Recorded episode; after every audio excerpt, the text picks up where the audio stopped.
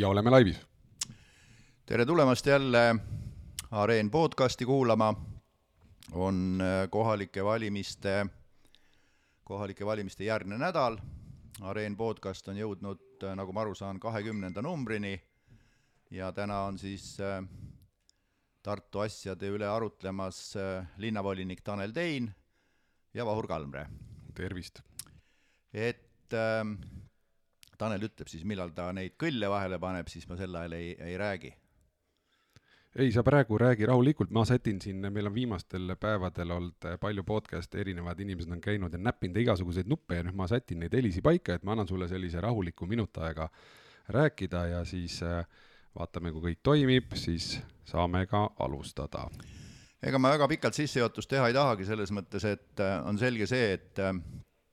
et valimisjärgsel nädalal äh, väga palju muust ei, ei, ei saa ja, ja, ja tohi rääkida, kui ikkagi valimistest, proovida neid analüüsida, neid analüüse on siin-seal juba olnud, küll kohalikus ajakirjanduses, küll suures ajakirjanduses, nii et äh, sellist, mis juhtus tegelikult äh, nende kohalikel, nendel kohalikel valimistel äh, Tartu linnas, siis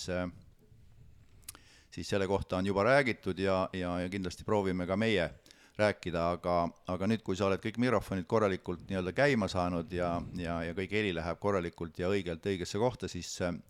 siis loomulikult ma äh, kohe küsin äh, linnavolinik Tanel Teinilt, äh, kes siis sai võrreldes eelmiste valimistega üksteist häält rohkem või? No ma ei ole isegi kokku lugenud, midagi oli kaheksasajaga ja nüüd on midagi üheksasajaga. mitte üksteist häält, vaid oleme täpsemad ikka. sada kolm häält sada kolm häält rohkem kui eelmistel valimistel, ehk siis äh, üle kümne protsendi. ehk siis linnavolinik Tanel Teinilt küsida, et mis siis vahepeal on juhtunud, tähendab, mis on juhtunud siis äh, pühapäevast või pühapäeva ööst äh, alates Eesti kahesajal, kas te olete omavahel kokku saanud, kas Eesti kakssada on kohtunud Reformierakonnaga, kes sai kõige rohkem kohti volikogus ja, ja, ja siis hakkab moodustama uut Tartu linnavalitsust, mis on vahepeal nende kahe-kolme päeva ja mõne öö jooksul toimunud? no ma võin anda sellise üldise ülevaate, et me teame, kes siis olid eh, lau-, pühapäeva öösel vastu esmaspäeva võimalikult kaua üleval, et siis umbes poole ühe aeg, kui ma ei eksi, toimus siis selline viimane nihe tegelikult Tartu poliitikas, et kuni poole üheni või natuke enne seda oli Reformierakonnal siis teadupärast kakskümmend kohta ja sotsidel oli viis kohta, mida siis kõik ootasid. ja tulemata oli veel äh, Anne Lind, kui ma ei eksi. ehk siis Edeni lugemine. ja üsna viimasel sekundil tegelikult Reformierakond ikkagi kaotas ühe koha, ehk siis kukkus kahekümne mandaadi pealt üheksateistkümne peale, mis on tegelikult väga märgiline Äh, mis iganes Reformierakond tegelikult ei räägi, et nad on hääli rohkem saanud ja nii edasi, kõik said hääli mingil määral äh, rohkem, sest valimisaktiivsus oli üle viie protsendi kõrgem. aga eks siis äh, hakkas, kuidas öelda, mingi virvarr pihta, et telefonikõned hakkasid ka ju meil toimuma ja esimesed õnnitlused ja võib-olla esimesed ka kohtumised, on ju, kes kellega võib-olla polegi nii oluline, aga oluline on see, et tekkis tegelikult peale valimisi Äh, täitsa reaalne äh, moment, kus äh, Reformierakond ja sotsiaaldemokraadid ei saanud teha enamus valitsust. soovid sa seda kuidagi kommenteerida vahele? muidu ma võin ladrata siin detailselt kõik, on ju, mis seal juhtus, aga ei noh, see on selge, et, et Reformierakond ja sotsiaaldemokraadid said kokku kakskümmend neli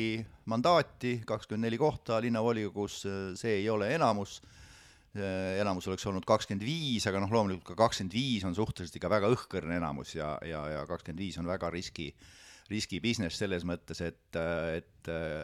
et pii-, piisab, kui mõni volinik puudub ja samas opositsioon on väga korralik, eks ole, kohalkäija või, või, või kohalolija, seal võib tekkida kohe probleemid, nii et ka kakskümmend, kakskümmend viis on ka risk, aga noh, kakskümmend viis on ikkagi selgelt äh, nii-öelda üle viiekümne protsendi ja see oleks olnud võimalus äh, noh, vähemalt teoreetiliselt siis vanal koalitsioonil jätkata, kuigi ma arvan, et nad ka siis oleks hakanud otsima kolmandat partnerit, aga see selleks.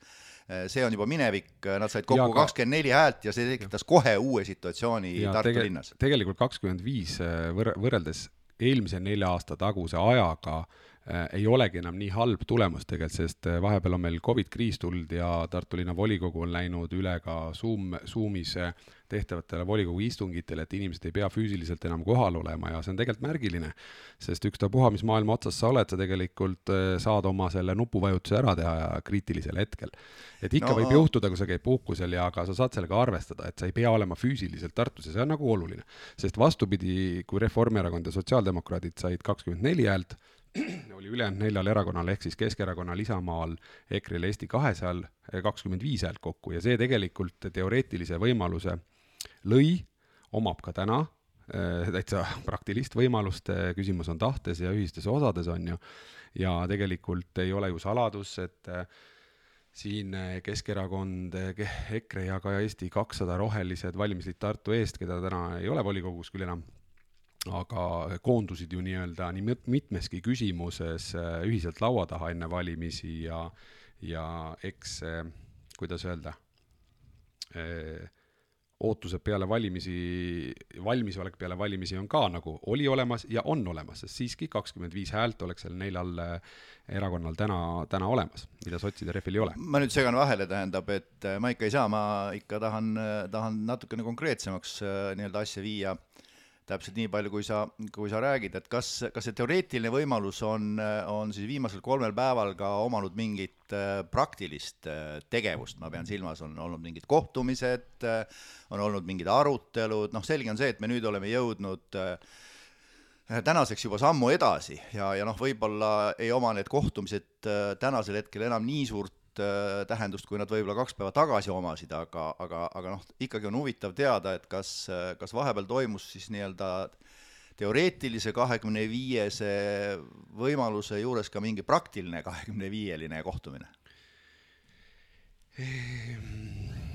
ütleme nii, et ajakirjanik küsib. jaa, ajakirjanik küsib, aga ma panen ta sinna ajalisse, ajalisse, eks meil oli loomulikult räägitud, et võiksime kohtuda ja eks seal kohtuti ka, aga äh, Äh, võib-olla ajaliselt, äh, kus me täna oleme, et Isamaa on ikkagi sotside ja Refi laua taga, toimus märgiline üritus ikkagi, ma arvan, ähm, pühapäeva õhtul või esmaspäeva varahommikul öösel, kui Toomas Kapp oli ikkagi Isamaa juures ja pärast oli Isamaa Refi ja nende juures, ehk need, eks need ole kõik sellised viisakusavaldused, aga kui me võtamegi, võtame selle varasema koostöö, mida me siin üles ehitasime EKRE, Keskerakonna, Rohelistega ja Eesti kahesajaga, siis äh, oli Isamaa sealt äh, kogu aeg selline nagu viimane nagu lüli ja ei andnud nagu selget signaali. ehk siis kas Isamaa tahab Tartus muutust teha, äh, mida nad tegelikult suure suuga on nagu rääkinud, mida tegelikult nende liikmed on rääkinud, räägivad siiamaani. ja täna me peamegi võtma seda olukorda nii, et et käivad ju kõigest koalitsiooni läbirääkimised, ei ole veel ju kuhugi nagu lõppfaasi jõudnud, suure tõenäosusega protsent, et nad jõuavad, on muidugi suur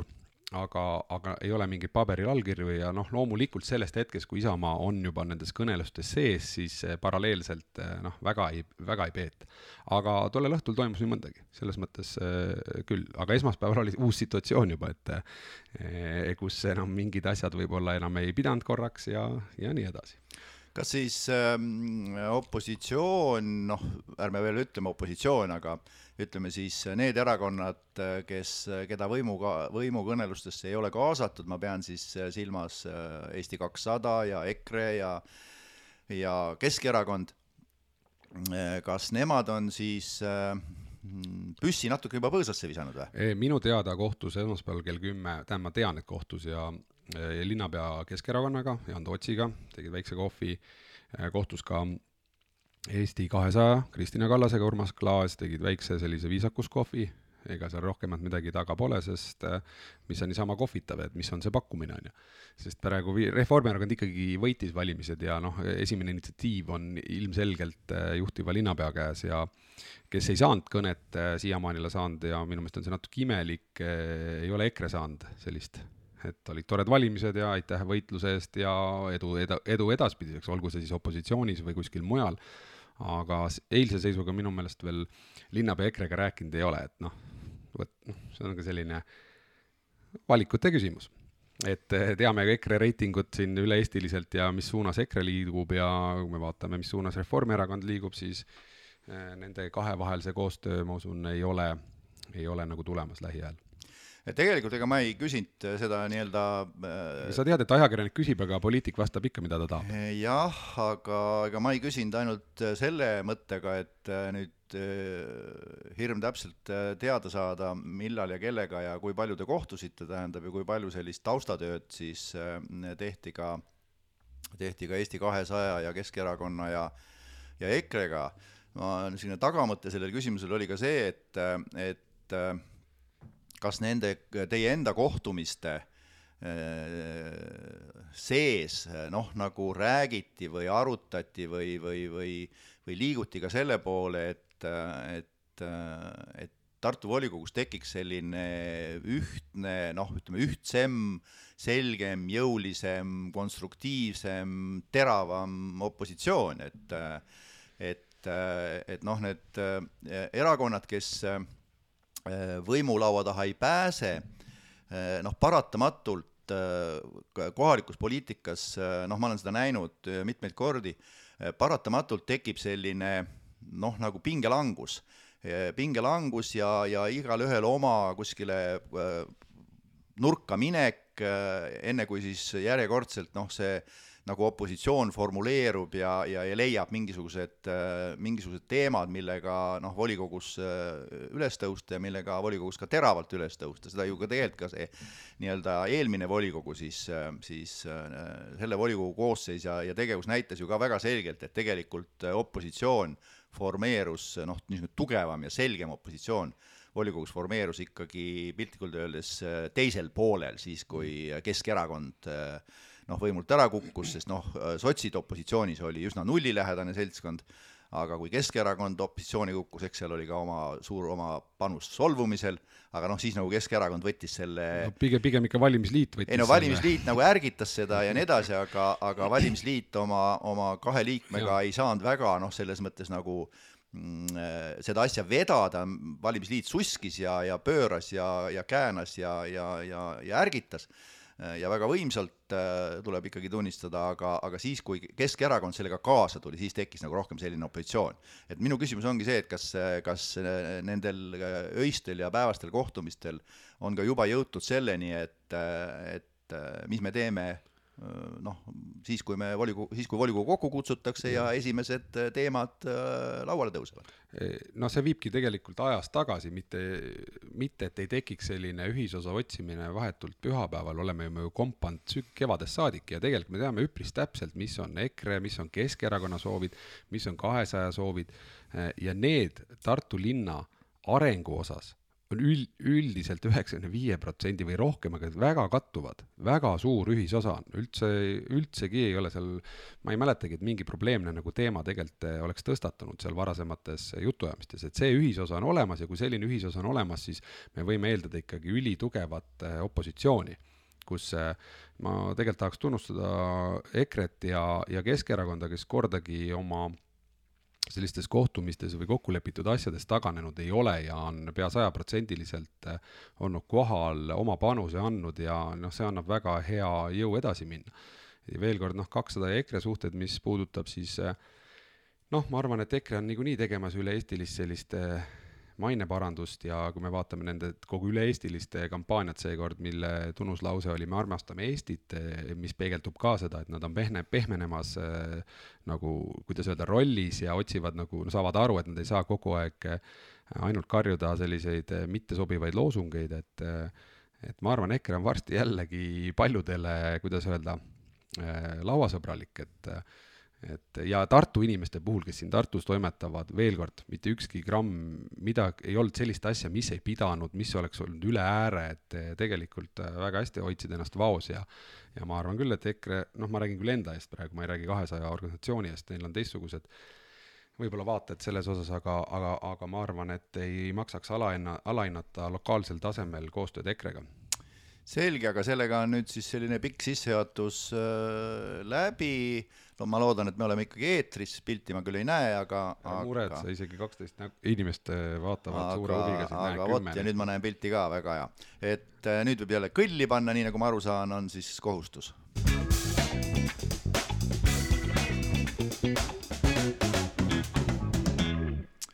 nii, Areen podcast äh, taas eetris, Tanel Tein ja Vahur Kalmre ja läheme nüüd natukene jälle ajas tagasi,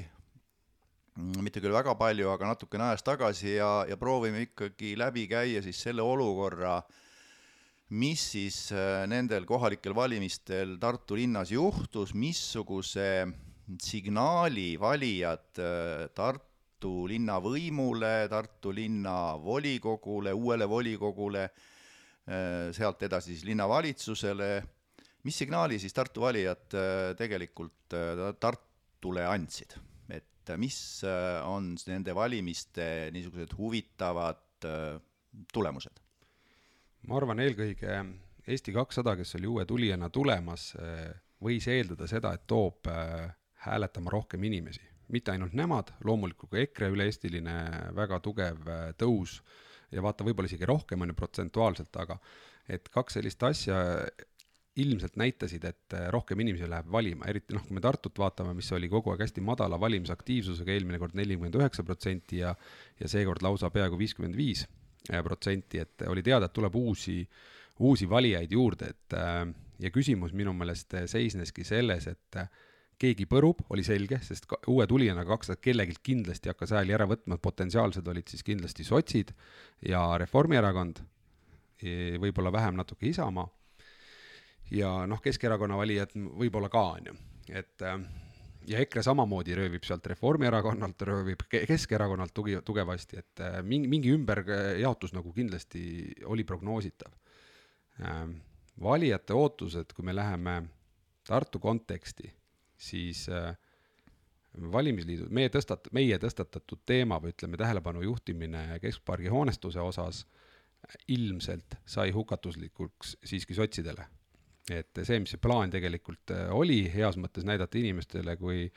kui mitmepalgeliselt saab asju tegelikult ajada volikogus, et äh, saada oma agendat nagu edasi, siis tegelikult nagu väärtused ei loe ja inimesed said sellest aru ja andsid oma selge selge mandaadi sinna, ehk siis neli kohta,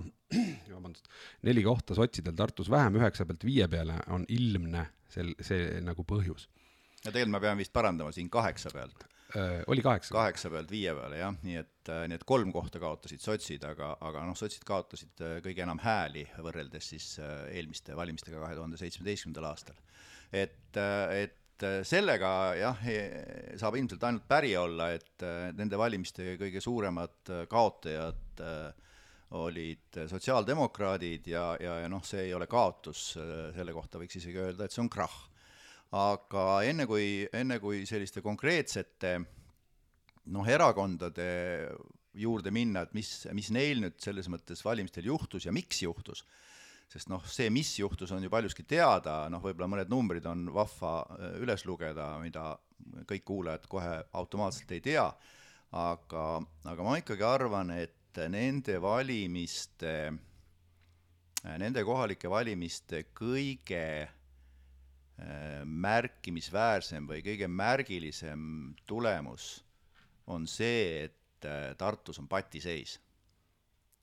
Tartus on täielik patiseis keskpargi ja südalinna kultuurikeskuse küsimuses. et äh, täpselt äh, kummalt poolt ja, ja, ja kuidas nüüd sellele läheneda, äh, neid lauseid juba on kuulda olnud, tähendab siin pärast valimisi, aga selge on see, et, et Reformierakonna ja sotsiaaldemokraatide koalitsioon, endine koalitsioon, kes oli selgelt nii-öelda südalinna kultuurikeskuse poolt, südalinna kultuurikeskuse ehitamiseks keskparki mandaati ei saanud. siin ei ole nagu muud varianti, see, nad seda mandaati ei saanud. samas muidugi tuleb tunnistada ja öelda, et, et nii-öelda keskpargi kaitsvad erakonnad teda samuti ei saanud. ka ei saanud selles ja. mõttes mandaati, et, et see on äh, nüüd selge, kindel ja, ja ainukene, ainukene variant ja, ja nad on nii, nii palju hääli või nii palju mandaate said, et, et nad võivad öelda, et ka neil on mandaat olemas keskpark äh, säilitada ja ja, ja, ja südalinna kultuurikeskust sinna mitte ehitada, nii et selles mõttes on, on ikkagi sisuliselt fifty-fifty seis, ehk Tartus on selgelt patiseis. ja selles patiseisus millest ju kõik tegelikult aru saavad. selles patiseisus öelda, mida, mida linnapea Urmas Klaas äh, nii, nii äh, nii-öelda, nii-öelda endine linnapea kui ka tõenäoliselt ka järgmine linnapea, Urmas Klaas on juba välja öelnud, et äh, et nüüd me saame selle teemaga minna jõuliselt edasi, meil on raha olemas ja see asi tuleb. vaat need laused minu meelest ei ole täna enam ausad, õiglased ja ma isegi ütleksin, et need ei ole väga targad et tegelikult on selge ju, et kui on äh, selline fifty-fifty patiseis, siis ei saa seda teha. ei saa viiekümnest protsendist valijatest lihtsalt üle sõita. no on... rohkemast kui viiekümnest e, noh, see on väga selles mõttes oleneb, mida me nüüd kokku loeme, tähendab, et no Isamaa positsioon on äh, siin ongi see, et kui, kui, äh, kui Isamaa välja jätta ja mitte, kui Isamaa hääled välja jätta, ma lõin isegi huvi pärast hääled kokku. Kui, kui Isamaa hääled välja jätta sellest võrdlusest, eks ole, sealt muidugi seal võib hakata äh, noh, samm edasi astuma ja, ja lugema kokku, et et äh, nii mõni, nii mõnigi Isamaa liige, kes täna on siis uues volikogus sees, eks ole, on öelnud, et, et keskparki ei tohi ehitada. lausa kolm nendest. nii et selles mõttes nende hääled võiks siis, siis ju ähm, kanda siis nii-öelda keskpargi kaitsjate poole ja, ja, ja võib-olla siis äh, ja Lukase hääl, kes on olnud suhteliselt selline ebalev, siis jätta kuskile sinna keskele ja teda mitte lugeda, aga isegi kui Isamaa jätta tervikuna välja, siis tegelikult äh, on siis nii-öelda äh, reform sotsiaal, sotsiaaldemokraadid sotsiaaldemokraadid ja reform saanud äh, tuhat häält rohkem kui siis äh,, kui siis ülejäänud erakonnad häälte -hmm. mõttes mm. -hmm. kohtade mõttes jälle on selge, et, äh, et, äh, et see on natukene teistmoodi, eks ole et aga, aga noh, see on selline peenmatemaatika, aga selge on see, et et selles küsimuses on Tartus seis, selge patiseis, pooled valijad, noh, me ei saa jälle öelda pooled tartlased, sellepärast et kahjuks kõik tartlased valimas ei käi, aga pooled valijad äh, ei teinud sellest probleemi, pooled valijad ütlesid väga selgelt, et nemad keskparki ehitada ei taha ja, ja et see võiks säilida pargina, nii et selles mõttes on patiseis ja sellest, sellisest patiseisust minna äh, juba esimestel päevadel nii-öelda nii-öelda teerulli meetodil jälle, kuigi kui nüüd äh, päris niimoodi äh, terava kõrvaga kuulda, siis, siis refo-, noh, sotsiaaldemokraadid on vait ja, ja jumal tänatud, et nad vait on, sest pärast krahhi ei saagi väga kõva häälega rääkida aga Reformierakonnast on tulnud juba selliseid väikseid signaale, et noh, et ikka arutame veel ja kaalume veel ja alles detailplaneeringuga saame midagi täpsemalt teada ja ja, ja, ja alles no. All, alles meile antakse sisendeid ja, ja eks nad ja ootavad, eks nad, ma tulen vahele korraks, eks nad ootavad, et see teema vaibub, see on see nende taktika praegu. Jah, aga siin tuleb neid, neid küll äh, neile küll äh, ütelda ja, ja, ja need ei ole üldse mitte minu sõnad, vaid, äh, vaid äh, mõned inimesed on seda juba öelnud, et, et loota, et keskpargi teema maha vajub, on suhteliselt naiivne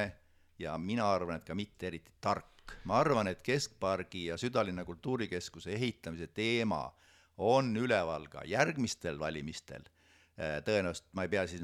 ma ei pea äh, nende all silmas mitte parlamendivalimisi, vaid ma arvan, et ka järgmistel kohalikel valimistel on see teema taas üleval, sellepärast et äh, et see teema ju jätkub pikalt ja see, see kopp on veel väga-väga-väga kaugel. Nii et selles mõttes arvata, et see teema nüüd maha vajub ja, ja kuidagi tasandub ja, ja, ja, ja inimesed väsivad siis, siis ma arvan, et see on naiivne arvamine ja ka mitte eriti tark. jaa, aga et, vähemalt et... selle teema tõsta-,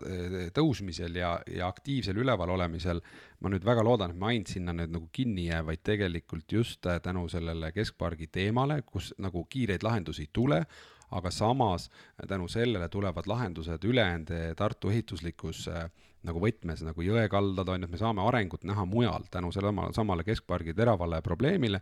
on elu, ütleme, elukeskkond noh, terava, terava pilgu all on ju. ja meil Tartus tegelikult on ju hullult palju ära tehtud erinevaid arhitektuurikonkursse ja planeeringuid, kõik avaturu osas, noh, e-, Holmi kvartalis, et tegelikult see neli aastat võiks nüüd hakata kiiresti andma nagu seda, ütleme, see keskpargi teema võiks hakata seda protsessi ka kiirendama, et me saame selle linna ikkagi reaalselt äh, arenema, et needsamad Emajõe kaldad, kus me valimisliiduga tegime päikseloojangu terrassi nii-öelda enne Reformierakonda veel nagu ideid välja, et mida võiks nende kallastega teha, et see päiksepoolne kallas. Õnneks Reformierakond märkas seda ja said aru, et see on hea mõte ja panid ka oma programmi, et äh, vähemalt noh, midagi saab nagu linnas ka tehtud nüüd linnapildis. jah, aga samas äh, ei olnud ju keskpark ainult mitte keskpargi teema, keskpargi teema oli kindlasti ka ja, ja, ja, ja see, ja see ongi nii, keskpargi teema oli ka tegelikult raamatukogu ja kunstimuuseumi teema, ehk siis ehk siis see, et et eh, noh, need muidugi olid Reformierakonnal ja olid ja on väga selgelt seotud, aga, aga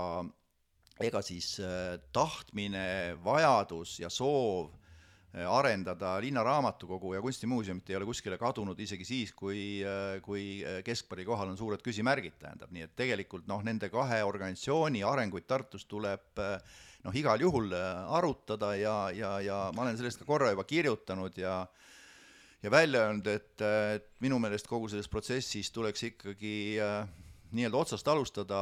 teemapulkadeni lahti äh, öelda ja, ja aru saada ja välja mõelda ja, ja selgelt ka välja öelda, et mis probleemi me tegelikult lahendama läksime, tähendab. sest, äh, sest kohati tundub küll, et äh, osadele kohalikele poliitikutele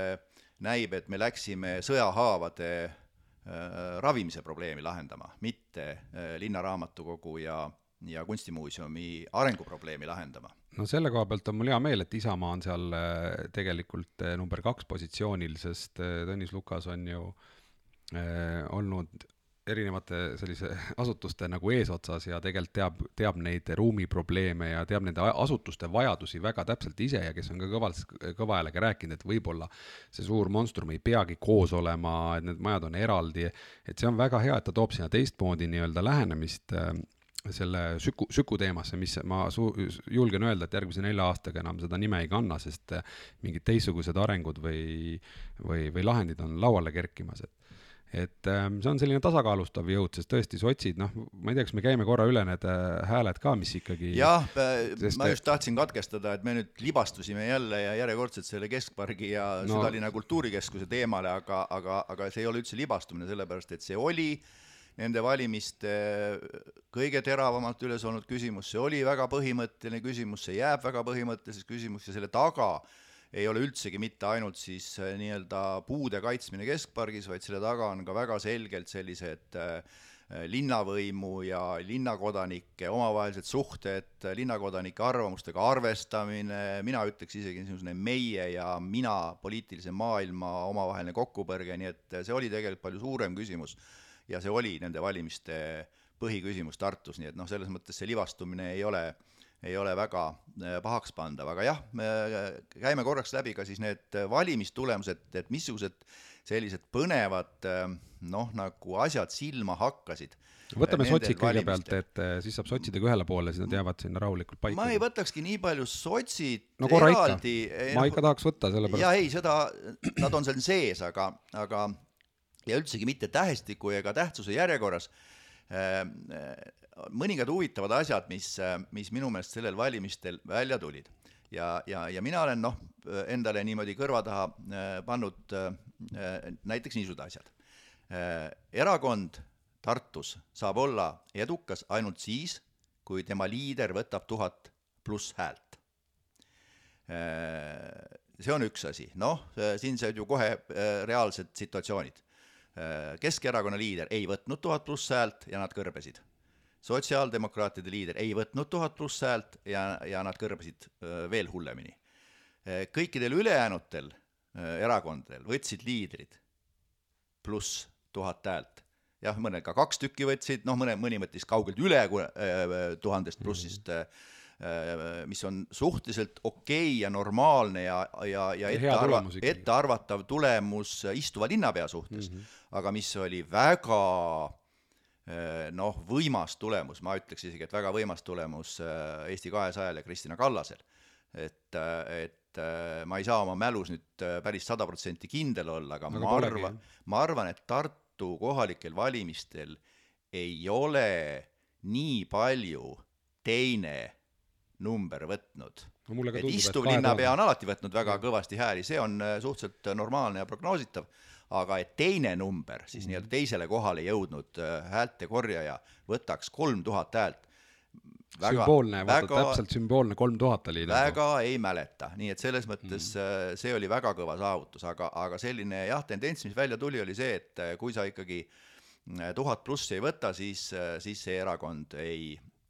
ei mängi kõrget mängu ja siin sotsid ja ja Keskerakond on selle tõestuseks. teine noh, niisugune huvitav tendents on see, et et äh, Tartu on selline mm, vahva linn ja ja, ja, ja ega ta võõraid väga ei seedi et Tartu erakonda peab vedama eh, üsna ülikooliga seotud ja selle kaudu selline kultuuri ja hariduse eh, teadusega seotud inimene. et see on näiteks väga suur pluss me- minu meelest ja see on ka vä- väga selgelt nagu välja joonistanud, et eh, ei läinud eelmistel valimistel kuigi hästi Isamaal, mida vedas eh, Riisalu. Riisalu, ei läinud nendel valimistel üldsegi hästi Keskerakonnal, mida vedas Jaan Toots. no eks seal ole teisi põhjuseid ka ei ei loomulikult on seal, need on ainult nii-öelda nii- ühed ja ja, ja, ja mitte kõige suuremad ja võib-olla, võib-olla ka mitte kõige peamised põhjused. aga, aga noh, niisugused, niisugused tendentsid välja joonistavad, sest vot siit saab nüüd minna sotside juurde tagasi ja on selge, et äh, sotside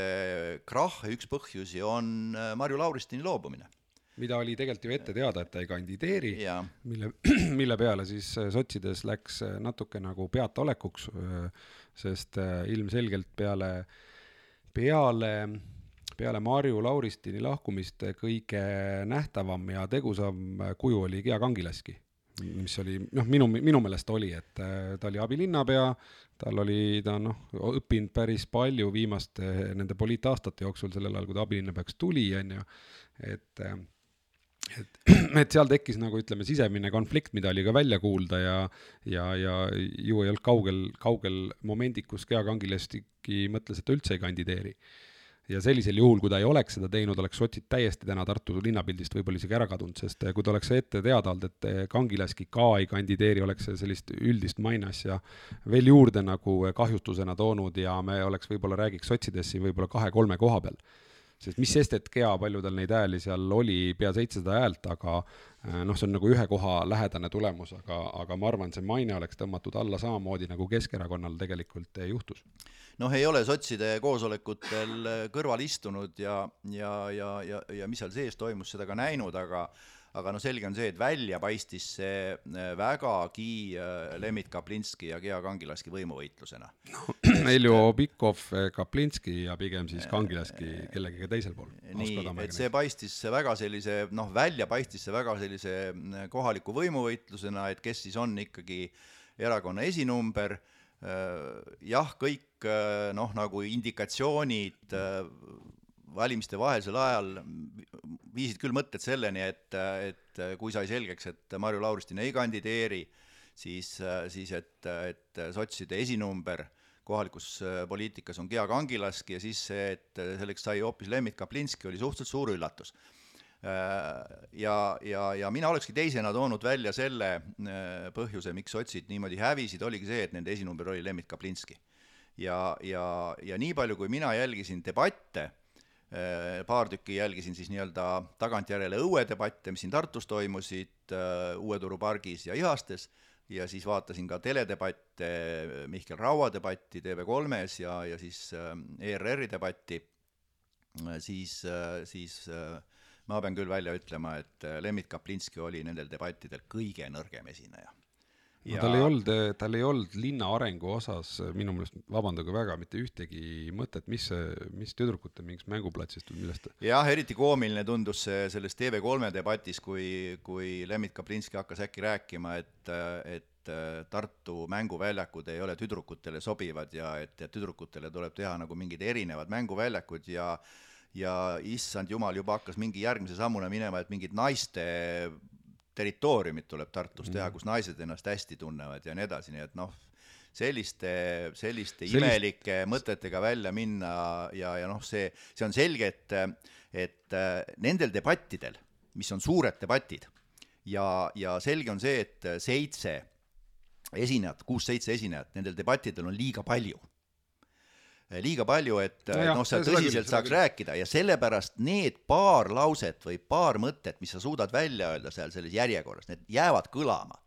Ja paraku jäid kõlama vähemalt sellest Mihkel Raua debatist jäid, jäid kõlama just Lembit Kaplinski need tüdrukute Jah. mänguväljakud ja see on selge, et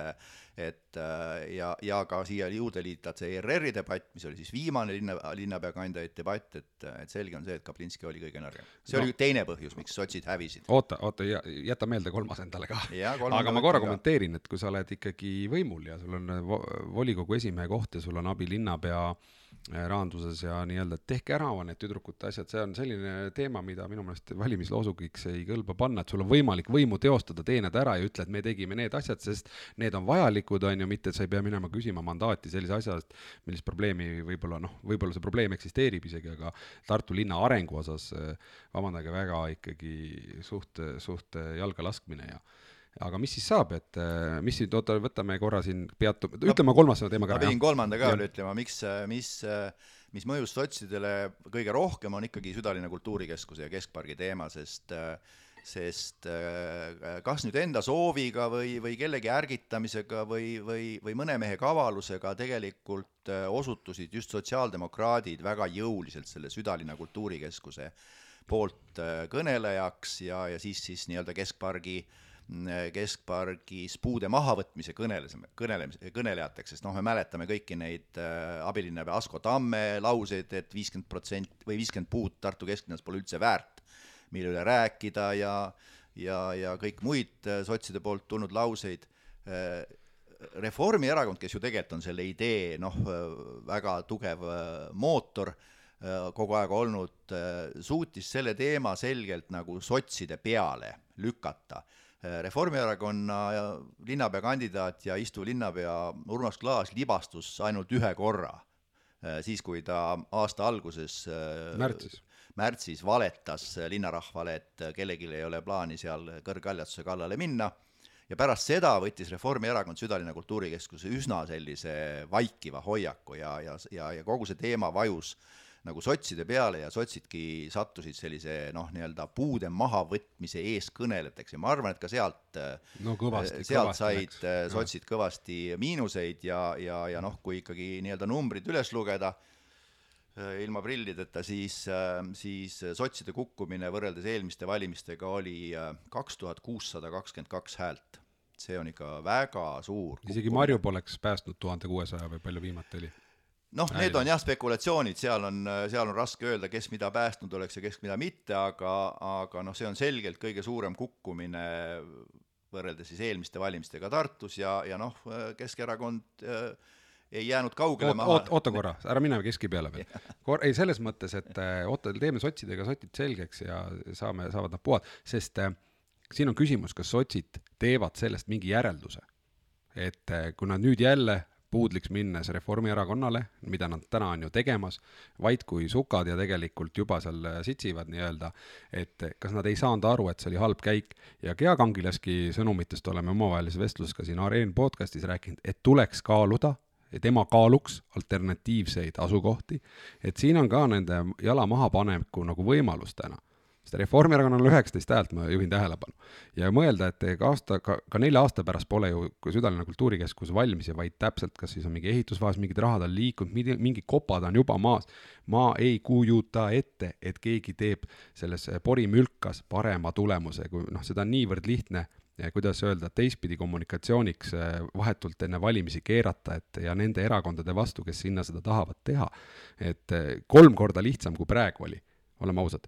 Et, eh, et, et see on nüüd see koht, kus täna sotsid tegelikult peavad mõtlema, et oota, et kui Isamaa on ka pundis, kui Isamaa on ka pundis, võimalik, et on pundis, et eh, tõstaks selle mujale, teeks väiksema või mis iganes, me jõuame sinna kindlasti ka saate lõpus, meie peateema oli, mis on Isamaa plaan Tartus, aga me pole Isamaast kordagi rääkinud veel. aga meil kiiret ka ei ole täna, on ju, et äh, et, et see on see mõttekoht, kus tegelikult ja ma arvan, nüüd kui Lemmitiga on kriips peal, aitab küll sellest äh, juhtimises, siis noh, Keal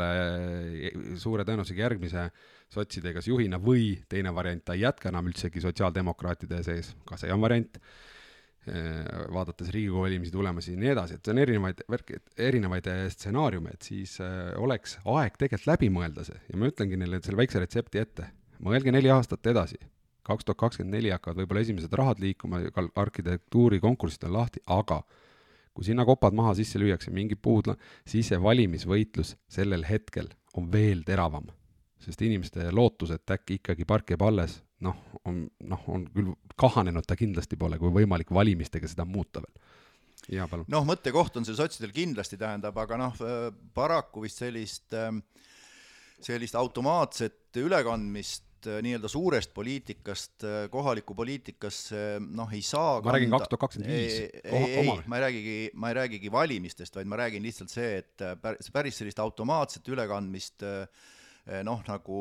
suurest poliitikast kohalikku poliitikasse ei, ei saa kanda ja ilmselt ei pea ka kandma, ma pean seda ülekandmise ajal sel-, seda silmas, et kui ikkagi partei hävib, siis partei noh, juht, juht või esimees astub tagasi, noh, sotsidelt on juba kuulda olnud, eks ole, et et äh, Indrek Saar ei kandideeri enam äh, sotside äh, juhiks, sellepärast et üle-eestiliselt sotsid hävisid sama suurelt või sama võimsalt või sama hullusti kui Tartus, nii et noh, see nagu puudutab sellist, sellist nagu noh, nii-öelda suurt parteid, eks ole, ja siis nii-öelda üle-eestilist seisu, aga noh, kohalikus elus see ei pruugi niimoodi töötada, aga, aga noh, samas ega see väga ka noh, mõeldamatu ei ole, sest on selge, et kui üks erakonna liider kohalikus elus äh, ei vii erakonda või noh, ei vii erakonda positiivsele tulemusele, ei vii, vastupidi, saab hästi palju miinushääli, sellega noh, näitab, et see töö on olnud vilets, siis, siis no üsna loogiline mõtlemine on see, et tegelikult peaks seal nagu mingisuguseid muutusi tegema. nüüd siin on alati selline kahjuks selline mm, selline asi poliitikas, mis, mis teeb väga mitmeti mõistetavaks äh, sõnad kaotaja ja võitja. sest äh, kui, ähm, kui valimiste tulemuste järgi on sotsiaaldemokraadid selgelt kaotajad,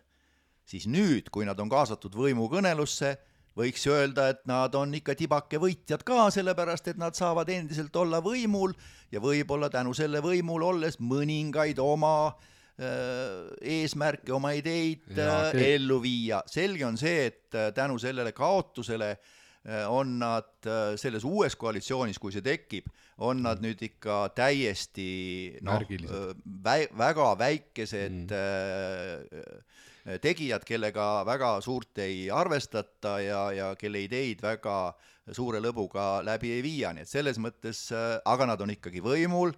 nad saavad mingeid oma ideid teostada, nii et siin see natukene selline mis, hirmus mis... kaotus väheneb. ei, mis ideid nad saavad seal oma viie kohaga kolmandal positsioonil teostada ei ole. kui mina oleks Gea Kangilaski täna, siis ma ikkagi vaata- ja kui mulle pakutakse nii-öelda, ma olen Gea Kangilaski nii-öelda ja eh, hakkab sotse vedama, ma, ma ikkagi vaataks tulevikku ja mõtleks selle keskpargi protsessi läbi sest äh, antud momendil võib-olla Gea ei olnud selle kõige suurem avalik nägu, ütleb, et jah, me tahame sinna teha, ta pidi rääkima kaasa, aga samas mõttes ta saab aru, et see ei too nagu kasu. Ja nüüd, kui see kasu pole toonud, võtta see juhtpositsioon ja minna ikkagi seda kolisevat vankrit sinna vedama, kas on kõige targem? või, või sul on variante, kui Isamaa noh, ja teised noh, tõsta ta ikkagi eemal ja mõelda seda, ma ütlen, et sotsid võiks omavahel selle asja tegelikult selgeks teha, kas nad jäävad lõpuni sinna, lõpu sinna, lõpuni sinna taha, ehk täna kümne aasta pärast vaatame, parki pole, on üks ilus suur hoone meil seal keset parki, mis arhitektuurselt on kindlasti väga võimas, on ju aga parki seal ümberringi nagu pole enam. et kas nad võtavad selle riski ikkagi lõpuni välja minna sellega, et valimised näitasid täna väga selgelt ära ju. et see on väga suur risk ja nüüd uue juhina minna jälle seda koormat kandma, ma ei tea, kas see on tark, tark, tark tegu nii, igal juhul on sotsidel väga ja. suur mõttekoht ja, ja mõtteainet küll ja küll, aga kas meil on nüüd, pane vahepeal kõlli ka, siis no, saame hinge tõmmata. panen pika kõnni. panen topelt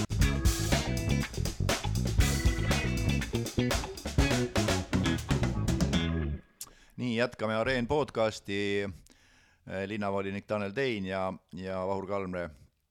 saates, ma loodan, et nüüd sotsidega saime natukene ühele poole, kas on nendest valimistest, noh nüüd valimistest veel midagi öelda, enne kui siis minna saate peateema juurde, et mis saab edasi ja mis roll sellel kõiges on, on Isamaal. käime, käime ikka, oota, tahad ja, ja ei, käime ikka läbi, tähendab, et, et võtame järgmise noh, mis siit järgmist ikka võtta, oleneb kust, kust otsast nüüd võtta, selge on see, et ma, lause jäi pooleli ja kahe tuhande häälega miinusesse jäänud Keskerakond on selgelt äh, teine suur kaotaja nendel, äh, nendel valimistel. Äh, ja, ja, ja, ja selge on see, et selline juhikriis Keskerakonnas kindlasti mõjutas seda väga palju. Selline harjumuspärane Keskerakonna stiil äh, muutus viimastel aastatel, äh, noh, ei ole üldse, tähendab, teada, kas see oli hea või halb muutus, võib-olla see ei olnudki nii väga halb muutus, aga no selge on see, et nendel valimistel ta edu eriti ei toonud, äh, Jaan Toots Keskerakonna liidrina on ikkagi tartlaste jaoks noh, nii nagu ma ütlesin, ikkagi natukene sisse toodud võõras inimene mis siis, et ta elab Tartus ja, ja nii edasi, aga, aga, aga selline, sellist noh, nagu tavapärast Keskerakonna valijat ilmselt tema juhitud siis Keskerakond on... ei kõnetanud eriti. okei okay,, see on, see on üks mõte. mina arvan, et Keskerakonna probleem on kommunikatsioon ja, ja selles osas, eh, kui neil juhivahetusega kõik toimusid, me tegelikult keegi ei analüüsi üldse, kuidas, ega, ega, ega Jaan Toots ei löönud siis piltlikult öeldes seda eh, Reformierakonnaga eh, koalitsiooni nagu noh, ei lõpetanud ära, seal oli Reformierakonnal oma kindlad tingimused, et Aadu jääb volikogu esimeheks, on ju, mille, mis ei sobinud nagu uuele juhtimisele, et mis mõttes, et meil on omad valimised, asjad, me ise ikka nagu määraks seda asja. et Reformierakonna käsi selle Keskerakonna kukkumisel või ütleme, see nuga seal neerus on väga suur tegelikult, millest üldse ajakirjanik ei taha rääkida, kõik me siin Tartus vaatame, et oi-oi-oi jah, meil on siin rahulikud asjad, et siin ei tohi muutusi teha ja Keskerakonna, oi juhtimisstiil. tegelikult, kui sa võtad praegu Keskerakonna nagu selle juhatuse, mis neil seal majas endal sees toimub, siis ausalt öeldes seal on küll kõik ühte, ühte jalga astuvad ja ma noh, päris, palju seal kohtumistel käinud, et et ma küll ei märka ja minu meelest Aadu Musta nimi on seal ikkagi täiesti punane rätik, et et ja kui noh, sina kui nüüd ajakirjanik, vaata, sa oled kindlasti kursis, ma siin natuke erutusin natuke Postimehe peale vahetult enne valimisi valimisi tulla välja sellise top, ma ei tea, kas sa lugesid üldse, me ei ole isegi rääkinud sellega, et suures Postimehes, kus Aadu Musk põhimõtteliselt lasi veel ühe kuuli sinna uppuva, noh, mitte uppuva, vaid ütleme sellise loksuva või ütleme sellise piiri peal oleva laeva keresse, on ju. et kas, kas ajakirjandus äh, tegi oma tööd nagu hästi, loomulikult ma saan aru, see oli põnev uudis, aga me teame täpselt, et vahetult enne valimisi, kui keeruline on poliitiliste teemade või avaldustega või see ei olnud uudis nagu, seda sa oleks võinud, sellist, seda artiklit, eh, mida Postimees tegi, oleks võinud vabalt kaks kuud varem teha. mitte midagi ei olnud olnud, aga see oli nagu sihitud, eh, sihitud pomm. no Vaikus. ma ei oska Postimehe eest rääkida, kas see oli sihitud või mitte sihitud pomm. Äh, minu meelest lihtsalt, minu meelest lihtsalt ma lugen, ma lugesin äh, ma lugesin Suure Postimehe intervjuud äh, Aadu Mustaga, ma ei trükis? Äh, trükis, trükis ja. jah, ajalehest. ja, ja, ja ma ei äh, lugenud väga Tartu Postimehe videointervjuud Aadu Mustaga. peale. mille, mille nii-öelda duubeldamisest üldse oli raske aru saada, aga, aga ma lugesin seda intervjuud mm, Suurest Postimehest ja, ja mis seal salata, ega ma ei saanud aru Äh, mis oli selle intervjuu eesmärk, tähendab, mis oli selle intervjuu eesmärk, miks oli vaja just äh, äh, sellel hetkel teha Aadu Mustaga intervjuud, mis uudisväärtus või mis uue informatsiooni väärtus sellel tol hetkel oli, ma ei saanud sellest hästi aru, loomulikult on alati huvitav lugeda selliseid noh, selliseid taustajutte ja taustajutte ja, ja, ja asju, mis toimuvad kuskil kabineti vaikuses, mida, mida noh, avalikkus ei tea ja mida avalikkus ei näe ja ja, ja, ja neid, neid vihjeid ja niisuguseid niisuguseid infokillukesi on alati vahva lugeda ja saad natukenegi aimu, mis tegelikult kuskil taga toimub, aga, aga selle intervjuu eesmärk Äh, miks seda pidi just tegema tol hetkel ja vähemalt minule jäi küll väga-väga arusaamatuks. no Vahur, ma valgustan sind, see oli sihitud intervjuu, see oli nimelt tehtud, see oli lisakuul sinna ja keegi teist midagi vastupidist väidab, siis andke andeks, ei ole usutav teha kaks, teha video või asi ka veel juurde. Keskerakonna valija on äh, käsitsi hääletaja suures osas, kes käib valimispäeval äh, hääletamas ja, ja no Annelinna valija on ju, ja noh, kes läheb sinna Edeni keskusse ja kus sai Keskerakond kõige suurema laksu, oligi Annelinn. et see on väga poliittehnoloogiline käik, võte ja kus ma, kui ma alustasin Keskerakonna kõige suuremat miinust kommunikatsiooniprobleemil, kus võib-olla Jaan Toots on väga selline, kuidas öelda, noh, otsekohane ja kohati ka võib-olla selline heas mõttes lapsesuu, et ta räägib nii, nagu noh, mõtted tulevad ja ajakirjanikud korjavad selle üles ja sõidab uhke autoga, on ju, aga oluline pole see, kes, see Keskerakonna kõige suurem mure on tegelikult see, et neil jäi põlvkondade vahetus tegemata täna juba kümme aastat tagasi. Ja seda, sel- ja isegi viis aastat tagasi. Ja selle, see koorem on puhtalt Aadu Musta peal. vaatame neid kõiki lugupeetud inimesi, kes seal Keskerakonnas on, nende vanusepiir on küllalt kõrge, noortel on jäänud see üks vaheetapp ära ja nüüd hakata Jaan Tootsi selles nii-öelda, kes tuli ja selle ära nägi ja seda muutust ellu viima, materdama ainult eh, ka siin pooleteist aastaga, kuna see noh, ta on olnud sa-, saanud olla siin pukis, on minu meelest varajane, sest noh, Keskerakond on ikkagi Riigikogu partei ja praegu valitsuspartei ja eks nad ise leiavad need lahendid, aga ma julgen küll öelda, et kui Aadu Must siia Tartu etteotsa tagasi lasta, siis me oleme tagasi selles Keskerakonna, Reformierakonna stagnatsioonis ja tiksume jälle siin edasi, et las ta, las need Keskerakonnad saavad oma, oma tegevustega hakkama, teevad oma sisevõitlused ära, aga noh, minu, minu meelest oli see Postimehelt intervjuu ise, ajakirjanik versus Must oli väga hea ja Aadu Must on väga tark inimene ja räägib väga eh, tarka juttu, selles ei ole üldse kahtlust, aga sa pead ära tunnetama, et kas su sellele vastand, noh, see, kelle pihta see asi öeldakse, kas tal jääb aega ka reageerida ja öelda omapoolne seisukoht, see, et saab kaks rida kirja panna äh, sinna videoloo juurde, kuhu trükis iialgi see vastus ei jõua, noh, on ikkagi minu meelest täitsa alatu. no siin tuleb noh, nagu kahte asja ikkagi veel, veel üle öelda, et kui sa ütled, et, et et see noh, ma ütlen, et mina ei tea, mismoodi Postimees seda intervjuud või siis Tartu Postimees seda videointervjuud täpselt tegi ja missugused, missugused mõtted nende taga oli, aga kui sa ütled, et see oli Toots ei meeldi neile, see ongi kui see oli sihitud äh, ja poliittehnoloogiline, tähendab see, mis noh, välja paistis, see on üks asi. kui, kui sa ütled, et, äh, et see oli sihitud ja poliittehnoloogiline mm, äh, nii-öelda käik, siis, siis kui selles on kas või see oli kui selles on kas või üks protsent tõde, siis ma olen Postimehes ja Tartu Postimehes ikka väga-väga pettunud. ajakirjandus ei saa mängida kaasa mingisugustel sihitud ega poliittehnoloogilistele äh, võtetele, mida parteid võivad teha, mida nad võivad pakkuda, nad võivad Äh, proovida, nad võivad ise oma kanalites igasugust nalja teha, aga, aga kui, kui selles äh, mõttes, et, et see on sihitud ja poliittehnoloogiline intervjuu on ainult üks protsent tõde, siis ma olen väga pettunud Postimehes ja Tartu Postimehes. Tartu Postimees tegi järelloo, me see täpsustame on... seda, et Aadu Musta intervjuu oli reedeses üleriigilises po trükitud Postimehe versiooni neljandal leheküljel ja pealkirjaga äh, Toots ei oska poliit-, ta, Toots ei tunne Tartut ja poliitikat või midagi nii. no,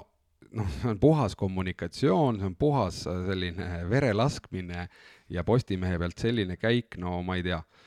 selles mõttes, et nii, ja võtame selle, et lähme, oota, oota, lähme kiirelt edasi korra, et ja Annelinnaga, tänu Annelinnale jäi, ütleme, üks mandaat Keskerakonnal vähemaks julgelt üks viie pealt ja see oleks tulnud suure tõenäosusega Reformi käest ära, ehk Reform kaheksateist ja nemad viis, jällegi uus olukord. et ma räägin, et sa oled ise ka kogu aeg rääkinud, et Tartus jääb see alati väga äh, teatud nagu noh, ühe-kahe hääle taha jäävad mingid võimalikud kombinatsioonid. ja üks hääl kindlasti on seal äh, täpselt seal mitte ühe-kahe hääle taha, vaid ühe-kahe mandaadi, mandaadi taha. mandaadi jah, tähendab jah. et Tartus on see situatsioon, et, et et äh, valimistel ei pea kukkuma noh, meeletult, nagu kukkusid sotsiaaldemokraadid ja Keskerakond, võib kukkuda või ka tõusta äh, pluss-miinus äh, ühe häälega, ühe-kahe häälega ja see kohe muudab situatsiooni ja tegelikult tänased valimised ju näitasidki, et, et piisas sellest, et Reformierakond sai ühe hääle vähem ja kohe muutus täiesti situatsioon teistsuguseks, tähendab. aga mis ma tahtsin veel teisena öelda selle Keskerakonna suhtes, on see, et et nii nagu ma ütlesin, et et äh, võib-olla seal äh, Keskerakonna sisemaailmas äh, on kõik need õiged sammud ja, ja, ja, ja võib-olla need sammud hakkavad nii-öelda dividende tooma kunagi hiljem, eks ole, mm -hmm. kas siis järgmistel, kas jah. siis järgmistel valimistel parlamenti või järgmistel valimistel järgmistel kohalikel valimistel, aga selge on see, et, et äh, praeguses situatsioonis, tänases valimissituatsioonis äh, ikkagi Keskerakond kaotas kolm mandaati, linnavolikogus sai miinus kaks tuhat häält ja see on ikkagi väga-väga selge kukkumine ja, ja, ja noh, siin, siin on samasugune mõttekoht Keskerakonnal, kui on ka sotsidel. ei, absoluutselt, mõlema noh, sotsidel on asi organiseeritum kindlasti, ma ütlen, Keskerakonna selline kommunikatsioon võiks olla parem. aga võtame ka selle Keskerakonna teema kokku ja liigume edasi, sobib? härra Kalmre? sobib, sobib.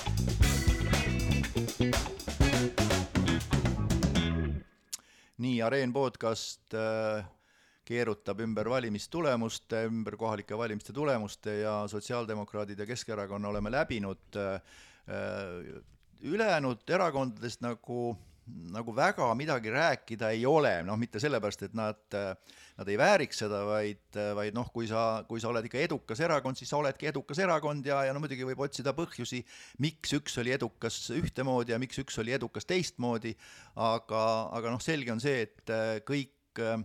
kõik kolm erakonda, Eesti kakssada, mm, siis EKRE, EKRE ja ka Reformierakond olid, äh, olid edukad noh, erineval moel, loomulikult äh, Eesti kakssada ühe koha pealt äh, kaheksa peale tõusta on väga suur tõus, miks ma ütlen ühe koha peale, sellepärast et äh, volinik Tanel Tein oli ju ka eelmiste volikogu liige, eks ole. peab ütlema, et ma ei ole Eesti kahesaja liige, endiselt jaa, ei ole veel. aga no vot, see ongi see, et vaat siin ongi see, et, et selliseid asju on huvitav märgata ja mitte öelda, et Eesti kakssada sai äh, sai nii-öelda kaheksa uut kohta, vaid tegelikult ta sai seitse uut kohta pluss valimisliidu äh, Tanel Tein, nii. EKRE oli samuti väga edukas, eks ole, kui ma nüüd õieti mäletan, siis äh, kas viie pealt, jah mm.? EKRE, EKRE, EKRE, EKRE. ei, kuue pealt, kahe, kuue pealt kaheksa peale, samamoodi tõus noh, seal on omad probleemid äh, eelmistes volikogudes, EKRE sisuliselt lagunes ju seal, eks ole, ja, ja nii edasi Reformierakonna eh, võit ja kaotus ja edukus on hoopis teistes mastaapides kui Eesti kahesajal ja EKRE-l, see on selge see, et et et Reformierakond kaotas, sest ta kaotas ühe koha ja sellega kaotas ta väga olulise harjumuspärase koalitsiooni, aga loomulikult tähendab üheksateist kohta on ikka väga korralik saavutus ja ja, ja, ja noh, see pluss üks, nii nagu ma olen öelnud, et pluss üks-kaks äh, mandaati Tartus võib väga palju muuta ja muutiski. no me jõuamegi sinna, kui Keskerakond oleks teinud Annelinnas oma tulemuse ära, oleks suure tõenäosusega läinud Refilt veel üks ja siis me räägiksime natuke jälle teistpidi, et Reformierakond hoopis on nende valimistes väga suur kaotaja, sest tal ei ole kunagi nii vähe olnud viimasel ajal ja nii edasi, et need on need pisikesed asjad, mis hakkavad väikesest Kerest, August Kere, Keres nii-öelda Keskerakonna puhul ja, ja natukene ütleme, Isamaal ka kehvem tulemus on ju, oleks olnud, mis oli nagu üle ootuste nagu kõrgem, et võib-olla neli kohta ennustati neile, tuli viis. et need on pisikesed asjad, need mandaatide juures, mis tegelikult Tartu elu äh, hullult määravad. just, aga nüüd siis, ähm, siis äh, Läheme Isamaa juurde, siis äh, kõige võtame, tegelikult võtame selle EKRE ja kahesaja refi nagu sise, sisemise analüüsi võib-olla ära, et tõesti, et noh, need, kes on õnnestunud, need on midagi õigesti teinud ja noh, kahesaja puhul võime ju korra arutada seda momenti, et meil oli väga palju, et mis oleks juhtunud, kui valimisliit oleks siiski läinud äh, iseseisvalt, vaata, me ju kaalusime päris pikalt. Valimisliiduga oleks liitumas olnud äh, igasuguseid äh, huvitavaid inimesi nii-öelda, kus me lootsime võib-olla sellist äh, vaata, mis jällegi muudab seda tulemust tak-, taktikaliselt. me tegime taktikalise otsuse minna appi tegelikult äh, kahesajale, summa summarum oma häältega, valimisliidu poiste häältega me midagi erilist seal nagu ei teinud, võib-olla kaheksandiku häältest, on ju, natuke võib-olla rohkem, aga mis oleks olnud olukord siis, kui sinna valimisliitu oleks veel tulnud inimesi ja suure tõenäosusega oleks läinud me üle künnise, mulle ikkagi tundub. mis sest, et et oli nibin-nabin, aga, aga võta siis ära, näiteks kaks kohta oleks valimisliit saanud ja Eesti kakssada oleks kuue peal olnud ja võib-olla ka natuke vähem, on ju, sest see on jälle selline, kes seal on, mis on see meeskond, milliseid pilte sa näitad, ega alati meeskonnas, kes sul seal virvendavad pildi peal, ei pruugi see tähendada kõike hääl-, noh, sellesama inimese jaoks hääleks vormuleerimisel, on ju et äh, noh, see on selles mõttes äh, muidugi vahva spekulatsioon ja, ja, ja, ja seda võiks äh, spekuleerida ja jahvatada ilmselt see ei anna midagi, aga lihtsalt korra see annab või noh, tegelikult sellel, ähm, sellel asjal ei olegi see ainult spekulatsiooni mõte, vaid sellel asjal on ka tegelikult väga konkreetne mõte nendel valimistel, mis nüüd olid et selles mõttes võiks nagu spekuleerida jah, et kas, kas valimisliit, kui ta oleks saanud need inimesed, kes, kes, kes meiega rääkisid ja mõtlesid ja arutasid ja ja kaalusid ja, ja pärast siis loobusid ja, ja, ja mõned, läksid ka teise ja mõned ei loobunud ja noh, siis nii-öelda sundkäiguna läksid teise erakonna alla, nagu Indrek Särg näiteks, kes, kes kahjuks Keskerakonnas väga läbi ei löönud, noh, ega see ei ole ka kindel, et ta, et ta valimisliidus Tartu eest oleks läbi löönud, aga noh, jah, spekuleerida võib, et tegelikult äh, valimisliit Tartu eest, kui ta oleks saanud endale need ähm, kolm-neli sellist äh, tuntud nime ja siis ka äh, pikema nimekirja, oleks, oleks väga suure tõenäosusega loomulikult künnise ületanud ja, ja, ja, ja sisse saanud kas siis kolme-nelja äh, Äh, või viie kohaga. no kahe-kolme ütleme või, või, või, või, või, vähem. Ja, ja kas, kas ja kuidas see oleks mõjutanud siis Eesti kahesaja tulemust, äh, noh, lihtsalt matemaatika on üks, eks ole, et -hmm. lahutad äh, sinu ja ja, ja, ja Hannes Klaasi ja, ja, ja Margus Jaanovitši hääled maha ja siis äh, saad mingi tulemuse, noh, see ei ole päris nii, ei tööta, see valimiskampaania oleks olnud hoopis teistsugune, aga siin tegelikult on üks mõte, mis, mis näiteks nendel valimistel äh, Äh, üleval oli ja mis tegelikult ei olnud ka vist suur, väga suur saladus, et äh, tegelikult äh, Eesti kakssada pidas ju ka läbirääkimisi ja nendel samal opositsiooni koosolekutel ka osalesid rohelised. et oli ju mingi variant üleval, et ro-, ka rohelised tulevad oma nimekirjaga nii-öelda Eesti kahesaja sisse ja siis noh, lähevad nagu noh, lähevad nagu koos valimiste ja see on jälle nüüd spekulatsioon ja siin on äh, kindlasti nii-öelda plusse kui miinuseid, aga, aga noh, kahjuks on äh, roheliste puhul äh, töötab ikkagi ainult suu, üks suur miinus ja see miinus on see, et nad ei pääse sisse. ja, ja see tekitab alati küsimusi, vaata, kui on, kui sa saad üks või kaks kohta, siis sa võid spekuleerida, et noh, kas niimoodi minnes oleks saanud kaks, aga niimoodi minnes saime ainult ühe. aga kui sa jääd joone alla, siis ju tegelikult tekib sulle küsimus, mis sa oled valesti teinud. kas see, mida sulle pakuti oleks toonud näiteks roheliste liidri äh, kes sai väga korralikult hääli Tartus, aga noh, kuna erakond ise on, on, on väga pildilt ära ja nõrk, siis nad ei pääsenud jälle volikokku. et kui rohelised oleks läinud äh, Eesti kahesaja sisse nii-öelda valimiste jaoks, valimistel, ja, ja nende esinumber oleks seal saanud äh, noh, hästi palju kõrgeid kohti, tähendab nimekirjas kõrgeid kohti ja, ja, ja siis ka valimiskampaanias äh, oma nägu näidata, kas see oleks võinud näiteks tema sisse viia volikokku, mis oleks rohelistele olnud kindlasti palju äh, kasulikum samm kui mm. see, kui lihtsalt joone alla jääda. loomulikult siin on, äh, see on, see on spekulatsioon, sellepärast et et see on see, mida, mida näiteks me ju arutades ka ette nägime ja mis kindlasti väga palju sellist, selles situatsioonis nagu rohelisi äh, mõjutas, oli see, et, et kui ka meie, ehk siis valimisliit, läksime sinna Eesti kahesaja sisse, siis me kaotasime debatid. see on see, see on väga suur asi eh, kohalikel valimistel, kas sa osaled debattidel, sest eelmistel valimistel ju meie linnapeakandidaat Hannes Klaas osales väga paljudel debattidel ja oli kogu aeg nähtav mm. -hmm. nüüd eh, Eesti kahesaja sees valimisliit Tartu eest kaotas kõik debatid, me ei osalenud mitte ühelgi debatil. no mina ühel näo... sain, Hannes oleks pidanud siin ühele minema, aga ta ei saanud minna, pidin mina minema ja noh. kusjuures no. siin tuleb ka teha väike märkus selles, et minu meelest oli aastal kaks tuhat seitseteist oluliselt rohkem debatte, igasuguseid kultuuriinimeste debatte, koolide debatte. tegelikult neid debatte oli palju muidugi äh, praegu. aga, aga, aga sel korral oli minu meelest vähem, no mulle tundus, et neid on no. vähem ja, ja noh, samas situatsioonis olid ka rohelised mm. -hmm. praegu said rohelised ikkagi väga palju osaleda kõikidel nendel debattidel, noh, nende esinumber sai seal kohe kogu aeg olemas olla, noh, oma populaarsust tõsta, võib-olla see toob dividende kunagi tulevikus, aga, aga Eesti kahesaja sees oleks nad need debatid kaotanud ja see esinumber poleks üldse noh, peaaegu nagu äh, püüne peal olnud aga, aga ta oleks olnud volikogus. aga paraku jah, tuleb ja. öelda, et, et poliitikas on, on selline situatsioon ikka väga, ütleme, selline noh, drastiline, kas äh, seesamu, seesamune sul kullas või seesamune sul mullas. Mm. no see, see sotside puhul oli kindel taktikaline vale valik ja ma seda neile kampaania käigus ka ütlesin, mida nad oleks pidanud tegema, nad oleks pidanud panema ka sinna viis nime ja, ja, ja kampaania oleks pidanud olema, et valige number ühte, noh, nii-öelda, et kõik, kogu, kõik hääled lähevad, et proovida isikumandaati. Eh, noh, see oleks olnud ka väga keeruline või samas eh, tulla kahesaja ridadesse, eh, debattidel ei osale oleks saanud samamoodi oma kampaanias siseringis äh, noh, ma kaks häält ikkagi see Johanna-Maria Tõugu kätte ja oleks olnud täna volikogus. nii, aga, aga nüüd ma saatejuhi õigusega küll äh, lõpetan selle osa ära ja panen nüüd kõll ja. jess, boss.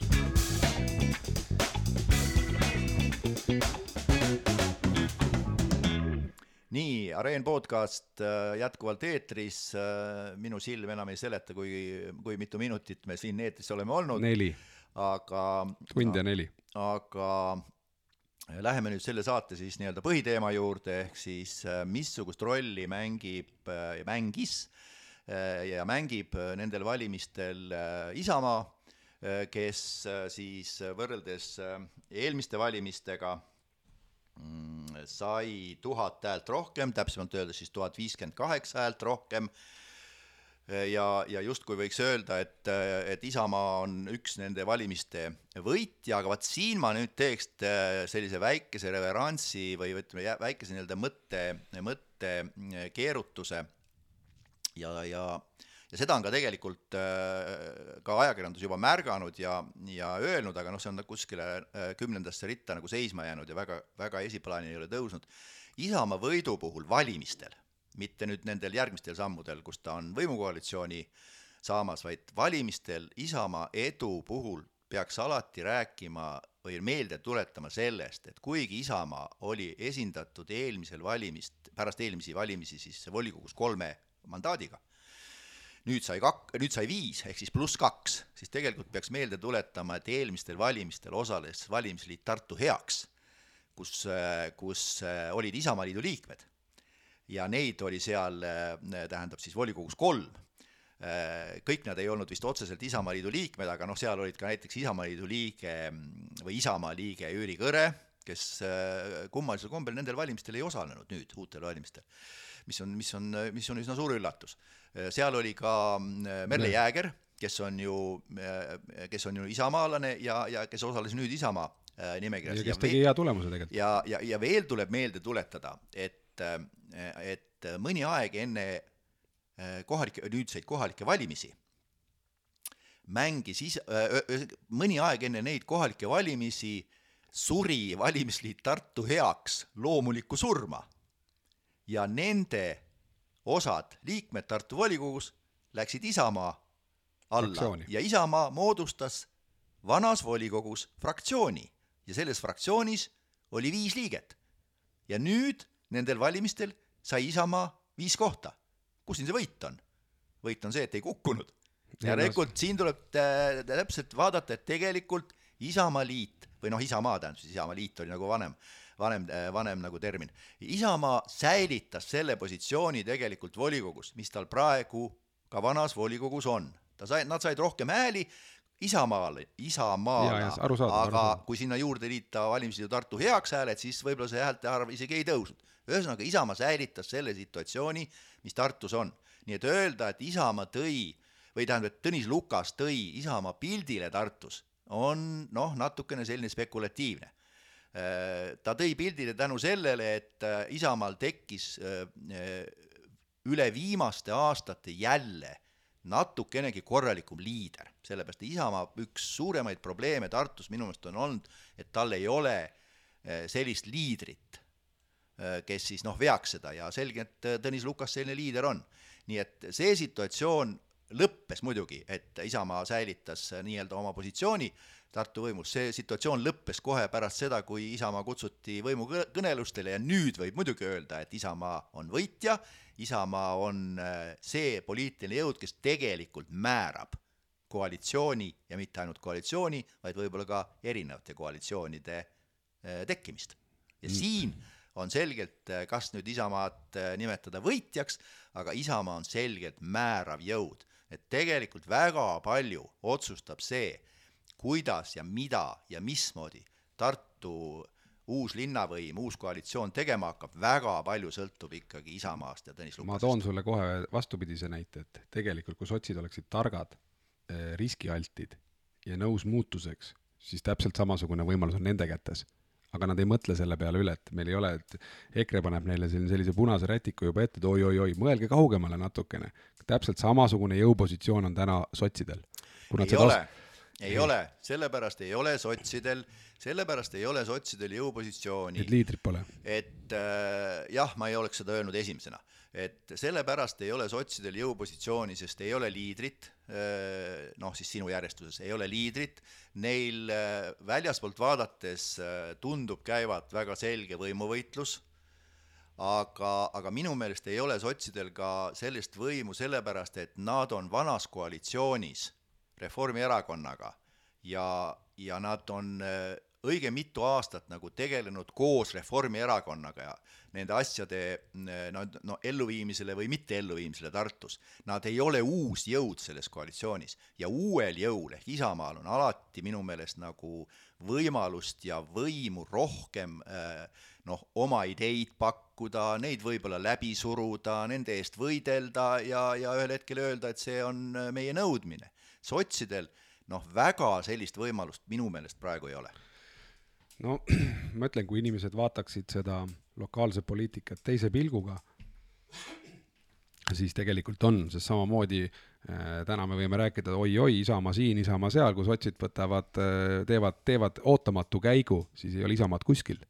Isamaa sotsidega, Isamaa Reformierakonna pingil ja kõik, aga nad ei tee seda, loomulikult nad ei suuda. ja, ja selles mõttes ma natuke oponeerin, sest sotsid on olnud täna poolteist aastat linnavalitsus, neil on asjad selged, kuidas asjad seal käivad, ütleme, kakssada pole kogemust omanud, EKRE pole kogemust omanud, äh, Keskerakond äh, üpris nõrgana pole sellist, äh, noh, nende uute liikmetega seda kogemust omanud, ehk tegelikult oleks võimalik sotsidel võtta hoopiski see liidripositsioon ja Tartu viia hoopis uuele kursile, tõsta see, lõpetada ära see keskpargi jama, tõsta tõsta see asi välja, olla selle asja vedaja, liider. minu meelest eh, noh, sotsidel on see käik täna olemas, aga ikkagi nad täna esimeses järjekorras lähevad sinna Reformierakonna juurde ja jälle niutsuvad seal natukene, et noh, midagi saame, saame ühe abilinnapea koha ja nii edasi. Eh, ja sotsidel ei ole rohkem võita, oled nõus? sotsidel uues selles kolmikliidust on üks abilinnapea koht ja ongi muus jah, noh, nüüd tuleb, nüüd tuleb siis meelde tuletada ilmselt ähm, sest programmi kui sellist neil eriti pole. nüüd tuleb meelde tuletada ilmselt, oli see vist Rein Lang, kes, kes ühes kuulsas raadiosaates äh, aeg-ajalt äh, ütles, et äh, tal on indikatsioon või, või nägi ta öösel und ja siis hakata rääkima, et, et tõenäoliselt Tartu uues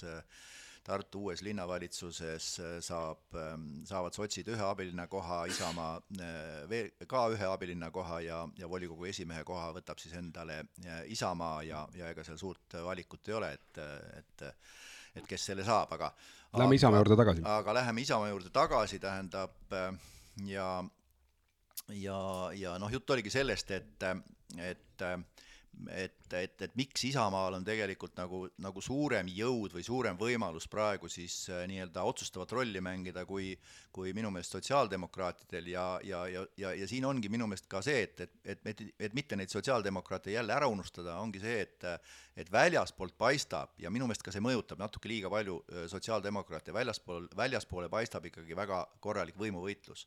nende sees. Ja, ja kui, äh, kui äh, Gea Kangilaski võib-olla on valmis noh, seda kõige teravamat küsimust arutama, ehk siis südalinna kultuurikeskust ja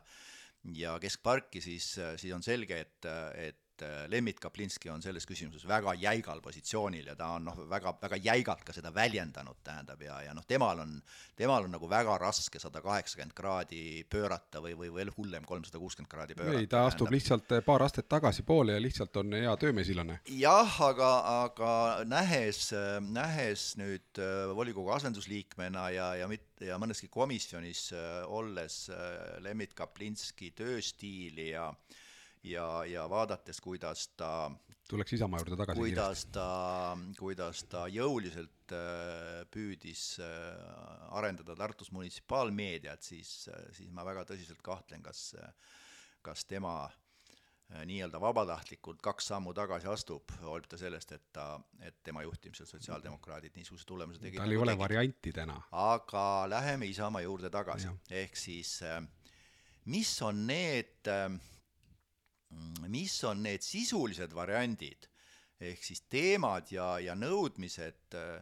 millega siis noh, Isamaa praeguses koalitsioonis noh, nagu silma hakkab paistma või ütleme, praegusel koalitsiooni läbirääkimistel, me nendest suurt midagi ei tea, me oleme kuulnud äh, paari lauset ainult, et, äh, et arutatakse juba kultuuri ja mingi haridusteemasid ja, ja käiakse koos, aga noh, mingisuguseid infokilde kahjuks veel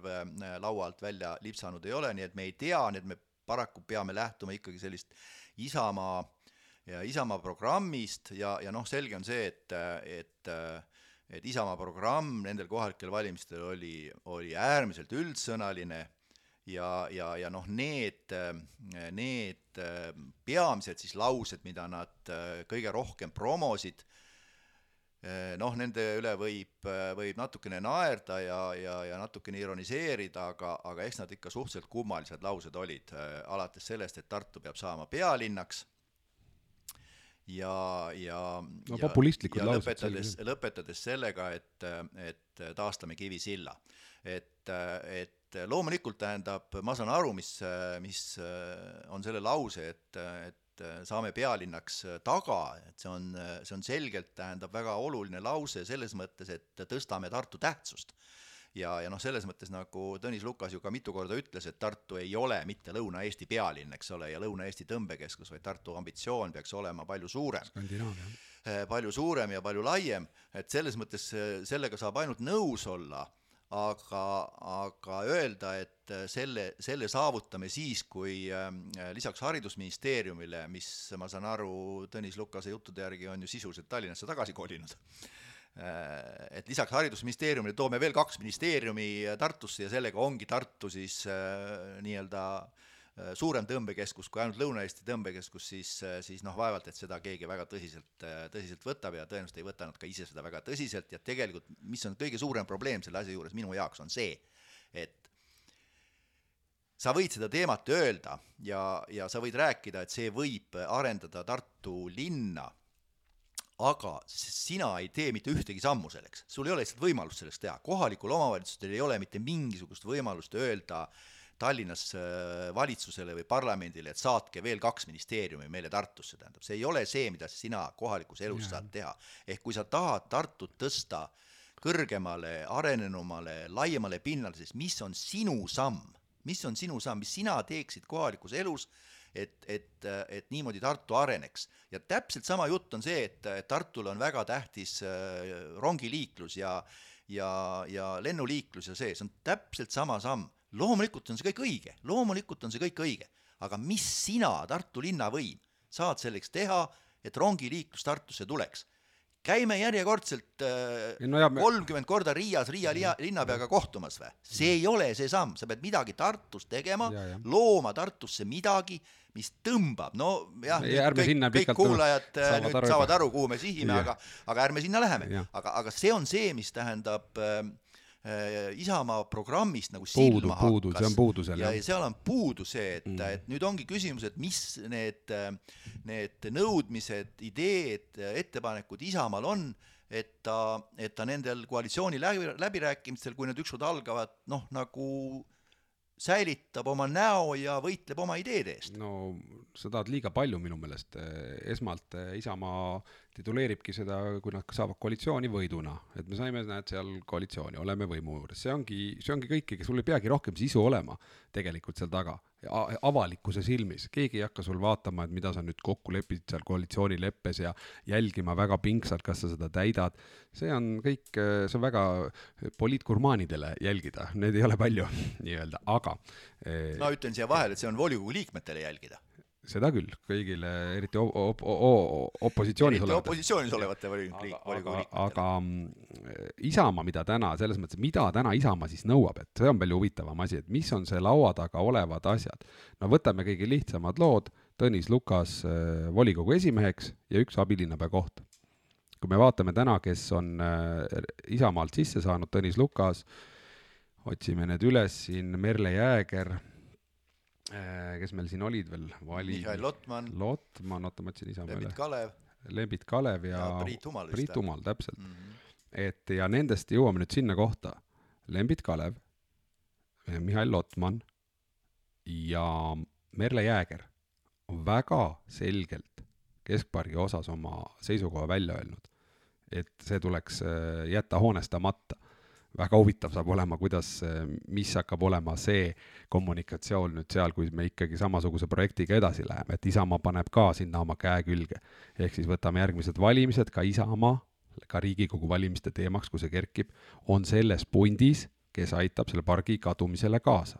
no et see on väga-väga oluline, oluline koht ja noh, see jällegi, see tekitab võib-olla mingit, ma Priit Humala seisukohta ei tea Tõnis Lukas on seda hästi väljendanud, on ju, ja ta ei ole nõus selliste dimensioonidega, on ju, ja nüüd me jõuamegi sinna võimaliku lahenduse juurde varsti. aga et äh, kuidas need äh, saadikud nii-öelda siis ka opositsiooni küsimustele hakkavad vastama, noh, kui need arutelud nagu, nagu kerkivad. ehk lihtsalt Isamaa täna mulle tundub, nii labane kui see ka ei ole, läheb kahe koha järgi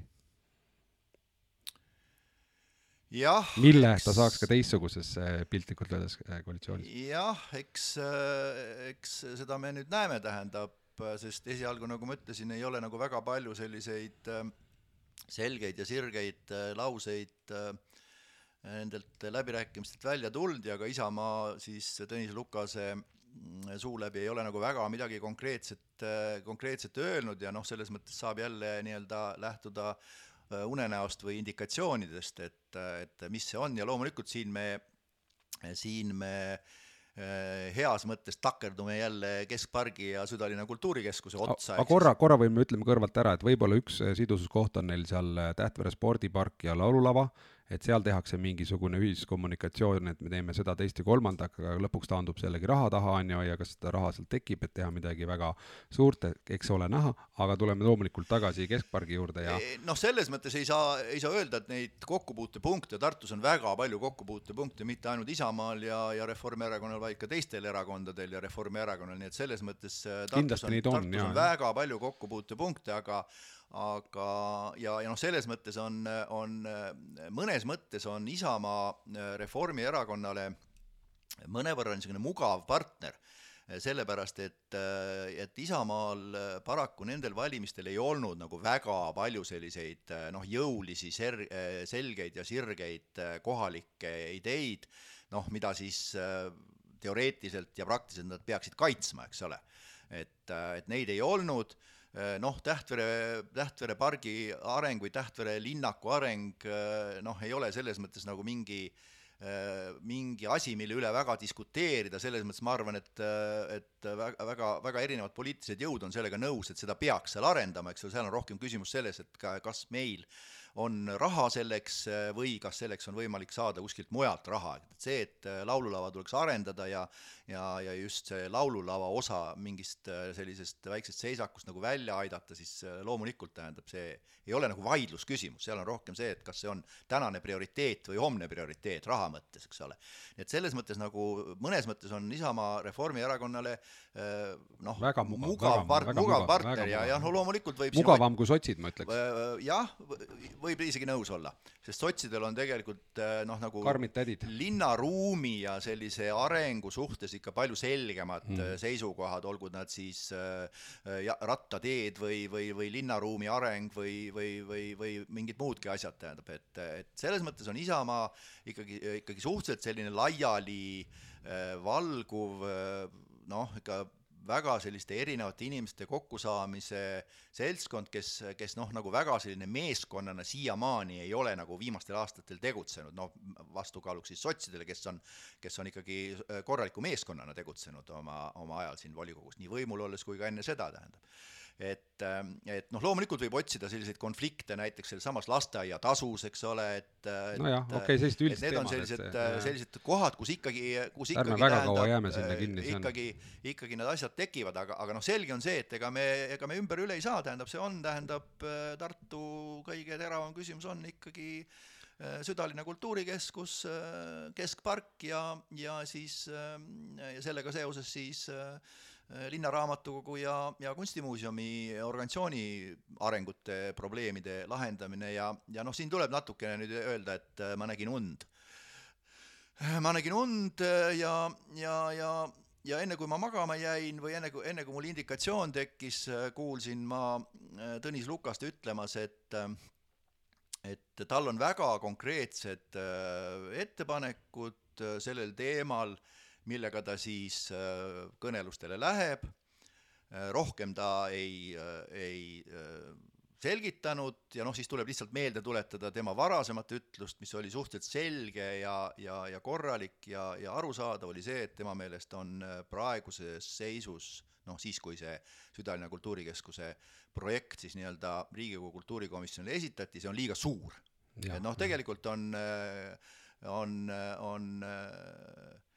Lukas nagu väljendanud, väljendanud nagu kolme asja, esiteks ta on öelnud, et Südalinna Kultuurikeskuse praegune idee on liiga suur, teine ta on öelnud suhteliselt nii-öelda kavalalt, et tema ei,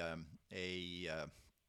ei vastusta kesklinna ehitamist, et seda võib teha, ta ei ole, ta ei ole öelnud selle, ta ei ole kasutanud selle sõna keskpark, ta on öelnud kesklinn Mm -hmm. nii et, äh, nii et äh, kaval poliitik, nii nagu Lukas on, tähendab, et äh, see jätab ju kõik uksed lahti, et ta ei ole öelnud, et, et see maja peab tulema keskparki, ta on öelnud, mhm. et kesklinna võiks noh, ka maju yeah, ehitada yeah., eks ole.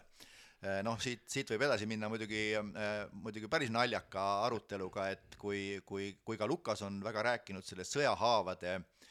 sõjahaavade äh, parandamisest, et, et siis võiks ju nalja pärast küsida, kas järgmisena hakatakse maja ehitama Pirogovi parki, mis teatavasti on ju ka enne no seda maju okay, täis, aga okay. see selleks. nii, ja kolmandana on siis Lukas öelnud, et tal on väga konkreetsed ettepanekud, mis selle Südalinna Kultuurikeskuse keskpargiga teha ja nüüd siis need, äh, nendest nii-öelda konkreetsetest lausetest ma nägin und, et, et, Tõnis Lukas Äh,